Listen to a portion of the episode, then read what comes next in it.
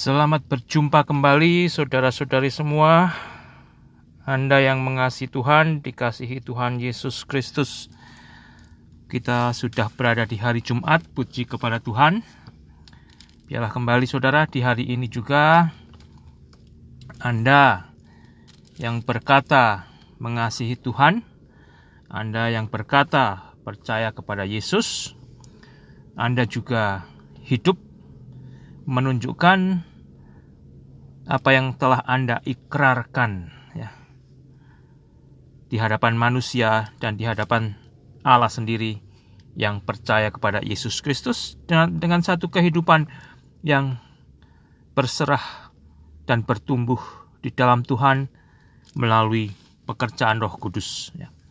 Karena saudara, kita masih jauh dari sempurna, kita tidak akan sempurna selama kita masih berada di dunia ini, tetapi sebagai orang yang sudah bersedia menerima penebusan Allah di dalam Yesus Kristus, kita juga di dalam paket tersebut akan hidup disempurnakan oleh Allah. Ya. Jadi jangan menentang, jangan bersikeras, jangan menolak pekerjaan Allah yang mau terus merubah saya dan Anda untuk kita diperbaharui, untuk kita dipercantik, untuk kita diperindah ya. Untuk kita lebih menampakkan Yesus dan menjadi saksi-saksi Kristus. Di situlah saudara Anda akan lebih menikmati kekristenan Anda dan saya. Saya mau membaca melanjutkan dari kisah Rasul pasal yang ke-10, mulai dengan ayat pertama demikian bunyinya. Di Kaisaria ada seorang yang bernama Cornelius, seorang perwira pasukan yang disebut pasukan Italia. Cornelius ini saleh. Ia serta seisi rumahnya takut akan Allah dan ia memberi banyak sedekah kepada umat Yahudi dan senantiasa berdoa kepada Allah. Ya. Dan dalam konteks ini Allah yang disembah Allah yang disembah orang-orang Yahudi. Dalam suatu penglihatan kira-kira jam 3 petang, jelas tampak kepadanya seorang malaikat Allah masuk ke rumahnya dan berkata, Cornelius. Cornelius menatap malaikat itu dengan takut. Ia berkata, "Ada apa, Tuhan?" Jawab malaikat itu, "Semua doamu dan sedekahmu telah naik ke hadirat Allah, dan Allah mengingat engkau. Dan sekarang suruhlah beberapa orang ke Yope untuk menjemput seorang yang bernama Simon yang disebut Petrus. Ia menumpang di rumah seorang penyamak kulit yang bernama Simon yang tinggal di tepi laut. Setelah malaikat yang berbicara kepadanya itu meninggalkan dia, dipanggilnya dua orang hambanya beserta seorang prajurit yang saleh dari orang-orang yang selalu bersama-sama dengan Cornelius. Dan sesudah Cornelius menjelaskan segala sesuatu kepada mereka, ya prajurit yang diutusnya tersebut, ia menyuruh mereka ke Yope Keesokan harinya ketika ketika orang itu berada dalam perjalanan dan sudah dekat kota Yope, kira-kira pukul 12 tengah hari, naiklah Petrus ke atas rumah untuk berdoa. Petrus merasa lapar dan ingin makan. Tetapi sementara makanan disediakan tiba-tiba rohnya diliputi kuasa ilahi.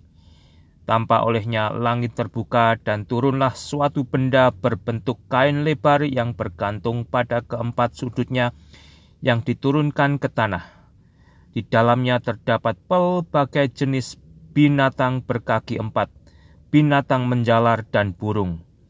Kedengarlah, kedengaranlah suara olehnya suatu suara yang berkata, Bangunlah hai Petrus, sembelihlah dan makanlah tetapi Petrus menjawab, "Tidak, Tuhan, tidak, sebab aku belum pernah makan sesuatu yang haram dan yang tidak tahir.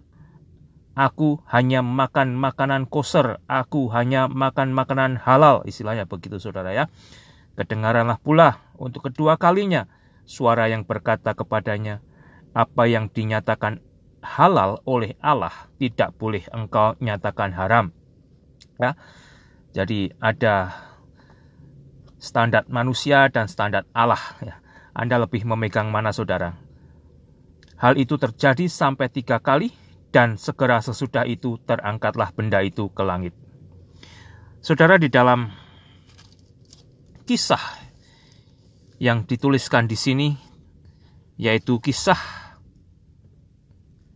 seorang perwira perwira pasukan Italia yang bernama Cornelius ya.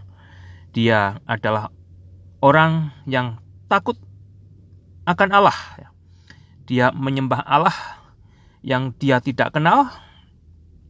Dia melakukan perbuatan baik dengan memberikan sedekah dan yang luar biasa, saudara,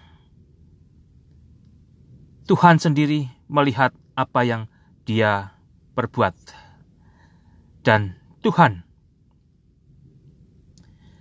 kalau Anda nanti baca, lanjutkan pada akhirnya menghampiri Cornelius.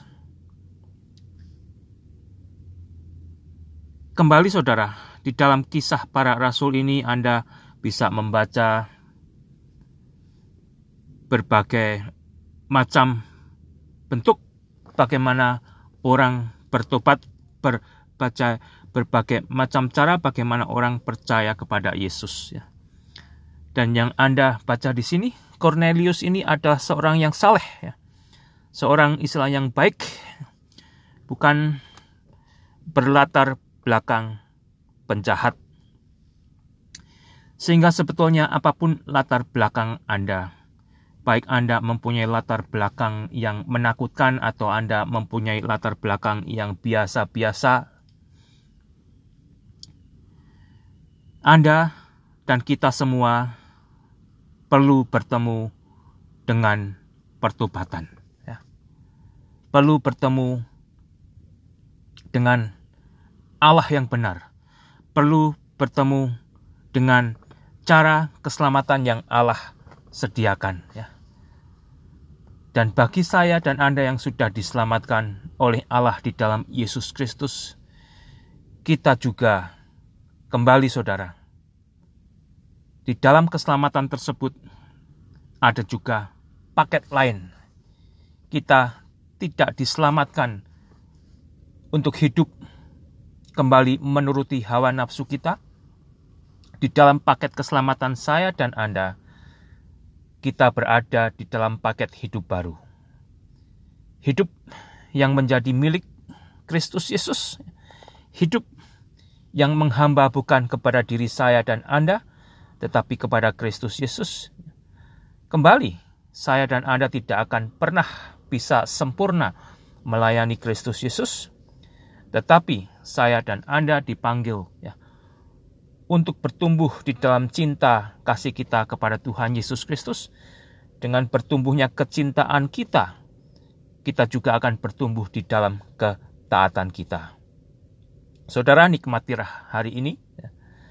Nikmatilah Yesus Anda. Ya, saya tidak akan bosan-bosan mengingatkan diri saya dan semoga Anda juga tidak bosan-bosan mau diingatkan, bahkan mengingatkan diri Anda. Ya, bertumbuhlah ya kecintaan Anda kepada Yesus Kristus, ya, kepada Tuhan, kepada Allah yang telah mengasihi Anda.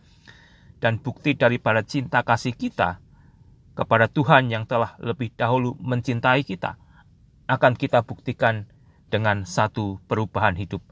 Akan kita buktikan dengan satu pertumbuhan hidup, yang mana saya dan Anda lebih tidak tampak, Yesus yang lebih akan tampak. Tuhan memberkati ya. Anda yang bekerja, Anda yang berusaha, ya, Anda yang berliburan. Biarlah dengan apa yang Tuhan berikan, kita menggunakan kesempatan tersebut untuk memuliakan Tuhan. Dan jangan lupa saudara, ya, mengundang Roh Kudus untuk bekerja di dalam kita, untuk mengerjakan di dalam diri kita apa yang kita kerjakan. Bahkan Anda yang berlibur pun perlu tetap mengundang Roh Kudus sehingga Anda bisa menikmati liburan dengan indah. Karena liburan tersebut juga adalah berkat Tuhan, Anda akan gunakan kembali tidak untuk menjadi batu sandungan, tetapi Tuhan juga boleh dipermuliakan. Anda akan bertemu orang lain, orang lain akan melihat Anda, dan mudah-mudahan di situ manusia boleh bertemu dengan pertobatan melalui mulut Anda juga. Ya, Tuhan Yesus memberkati.